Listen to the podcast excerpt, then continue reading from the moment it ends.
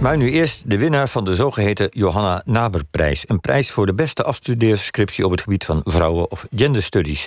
Uh, die won dit jaar, afgelopen week zelfs geloof ik, de historica Samantha Sint-Nicolaas. Zij schreef volgens de jury, en ik citeer, een excellent werkstuk over de vergeten 18e-eeuwse feministe en spionne Etta Palm-Aalders. Uh, Samantha, welkom. Uh, die prijs eervol? Ja, zeker. Uh, die prijs is uitgereikt door Atria. Uh, dat is de Kennisinstituut voor Emancipatie en uh, Vrouwengeschiedenis. En de VVG, de Vereniging voor Gendergeschiedenis. Dus een betere erkenning kan ik denk ik niet krijgen voor mijn werk eigenlijk. Ja. En is dit, betekent dit ook het begin van een academische carrière? Of, Ik hoop het, dat zou fijn zijn. Ja? ja? ik mag een artikel schrijven als onderdeel van die prijs. Um, dus daar ga, ik, ga ik mee aan de slag. Oké. Okay. En uh, je scriptie gaat dus over de brieven van deze Etta Palm. Helaas geen familie van, uh, van jou, toch, Jos? Ik moet het dat weten we niet. Dat weten we niet. Het zou zomaar kunnen. Daar, daar moet een volgende scriptie schrijven over. Af, of, ja, ja. oké. Okay. nou ja, ze, ze, leefde van 1743 tot 1799. En ze wordt nu vaak gezien als een vroege feministe. Misschien wel de, de, de eerste Nederlandse feministen. Hoe komen we aan dat beeld? Ja, we komen aan dat beeld omdat ze um, in Frankrijk uh, gewoond heeft tijdens de Franse Revolutie. En daar is ze heel erg uh, betrokken geweest met, met, met de revolutie. Um, daar heeft ze heel veel gedaan om voor vrouwenrechten uh, te pleiten. En die, die ideeën heeft ze geprobeerd om terug naar Nederland over te dragen. Dus niet alleen de rechten van de, de mens, de man, zoals het toen nog werd gezegd, maar ook zij, zij was er toen ook al nee, bezig met van voor hey, vrouw. Ja, oké. Ja, ik denk dat we familie zijn. Goed, um, laten we haar biografie erbij nemen. Ze is geboren in Groningen. Een meisje van vrij eenvoudig komaf, toch? Ja, daar weten we niet zo heel veel van af. Uh, we weten wel dat haar vader eigenaar van een molen was. Um, die is overleden toen ze zes jaar oud was.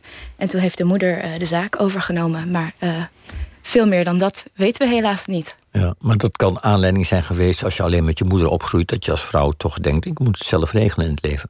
Ja, Misschien wel, ja. en, en ze trouwde met een uh, zekere Lodewijk Palm. Dat, dat, was, dat huwelijk was niet echt een succes, hè? Nee, dat klopt. Uh, ze was 19 toen ze trouwde. En Lodewijk Palm was een student in Groningen. Uh, ze hebben samen nog aan de Grote Markt gewoond. ze kregen in 1763 een dochtertje. Uh, maar die dochtertje is, is vroeg overleden. En uh, die huwelijk is binnen een jaar eigenlijk uh, ja, uitgegaan. Uh, volgens Etta zelf uh, is Lodewijk op een gegeven moment naar Nederland-Indië uh, vertrokken. Um, en zij noemde zichzelf daarna weduwe. Maar wat er met hem gebeurd is, weten we eigenlijk ook niet. Ja, en, maar opmerkelijk, wat ze doet na dat huwelijk is ze vertrekt naar Parijs. Wat, wat gaat ze daar doen? Klopt, ja. Ze, um, ze gaat op reis met een, een ambassadeur uh, ze zijn eigenlijk op weg naar Sicilië, naar Italië. En ze schrijft zelf dat ze onderweg um, ziek wordt. En in Zuid-Frankrijk besluit ze dan ineens: oké, dan ga ik naar Parijs en dan kijk ik wel wat daar mij te wachten staat. Ja, en wat, want in, de, in, in verhalen over haar kom je tegen dat ze daar een, een leven weet op te bouwen. Een moderne dame wordt, een salon. Zichzelf als ma Madame la Baronne uh, Aalders uh, afficheert. Hoe, hoe ging dat dan? Ja, um, we weten dat ze van begin af aan al vrij snel in hele luxe appartementen woonde in het centrum van Parijs. Um, hoe ze daaraan kwam, uh, is een klein beetje een uh, mysterie. ze zei zelf dat ze um, via veel relaties geld kreeg. Dus of dat nou betekent dat ze courtisanne was. Dat wordt beweerd, hè? Dat wordt beweerd.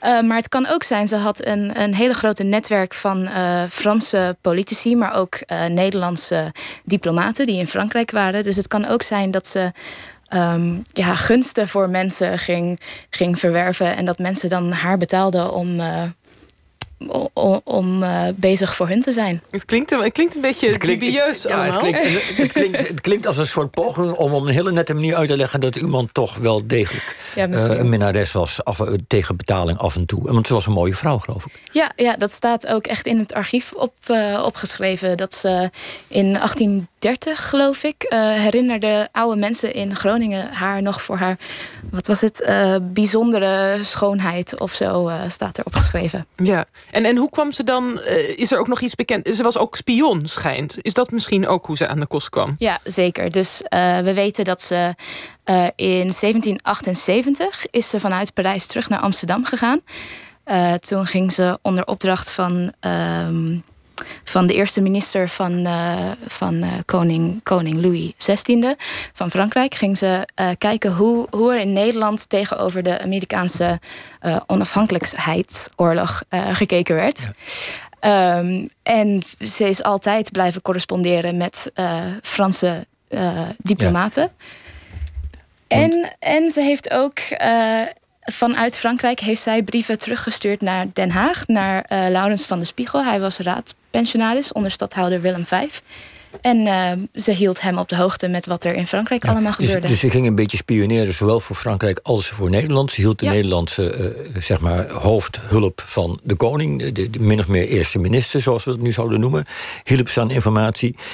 en ze hielp de Franse minister en koning aan informatie. Even die Amerikaanse onafhankelijkheidsoorlog. Ik neem aan dat dat is als wij enthousiast zijn over de Amerikaanse onafhankelijkheidsoorlog. Dan zullen we eventueel ook misschien wel eh, verder gevaarlijke ideeën hebben. Zat dat erachter? Was dat, uh, waarom moest dat onderzocht worden? Um, ja, dat is een goede vraag. Um,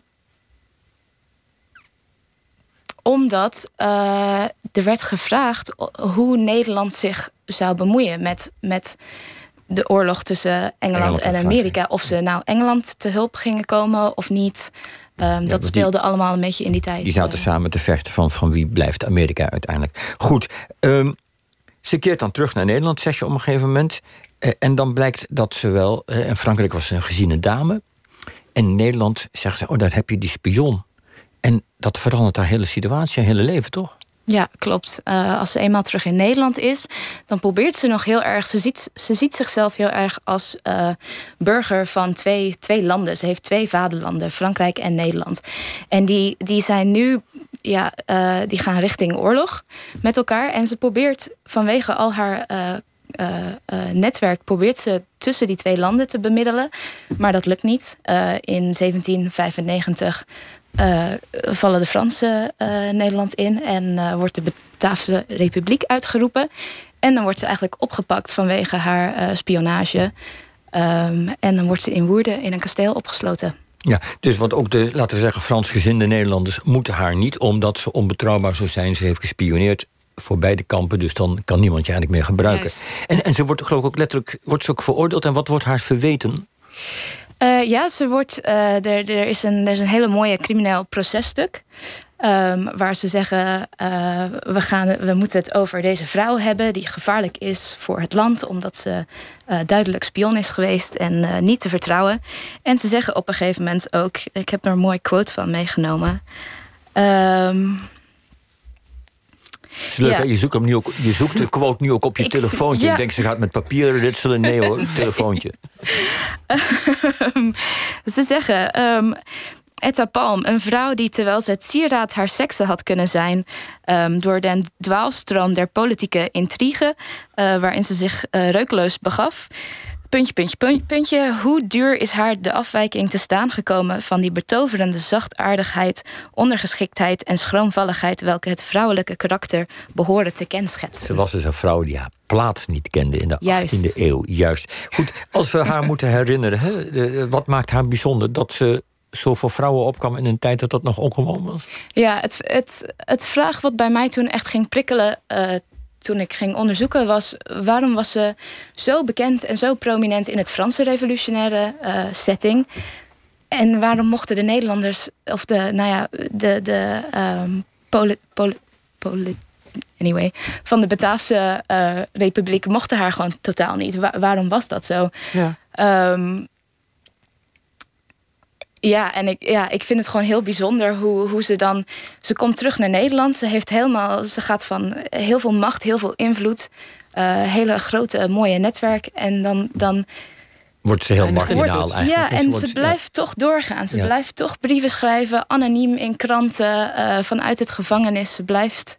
Ja, ze blijft want ze wil geloof ik een school voor meisjes oprichten en zo. En dat soort dingen. Maar als we ons haar nu moeten herinneren als vrouw waar Nederland die, die in onze kanon zou horen als ware, dan, dan is zij belangrijk omdat ze de eerste feministe was. Mogen we dat toch zeggen uiteindelijk? Hoe kijk jij daarnaar? Ik denk het wel, ja. Uh, ik denk dat, dat we wel haar, haar activisme voor de positie van de vrouw heel serieus moeten nemen. Ik denk niet dat dat uh, dat dat dubieus of, of dubbel geweest is. Gewoon omdat ze zogenaamd dubbel spion uh, geweest is. Ik denk dat ze daar echt uh, met heel veel passie voor gevochten heeft. Ja, Samantha Sint-Nicolaas, bedankt. Je scriptie heet dus Letters from een vriendinne van de waarheid. Dus in het Engels geschreven, geloof ik. Op, op de brieven na die je citeert. en wie de scriptie wil lezen, hoe, hoe kunnen we die ergens downloaden? Staat die online? Ja, hij komt binnenkort online in de collectie van Atria. Um, en ik ga binnenkort die artikel schrijven. Die verschijnt in Historica in februari. Goed, we houden het in de gaten. Bedankt.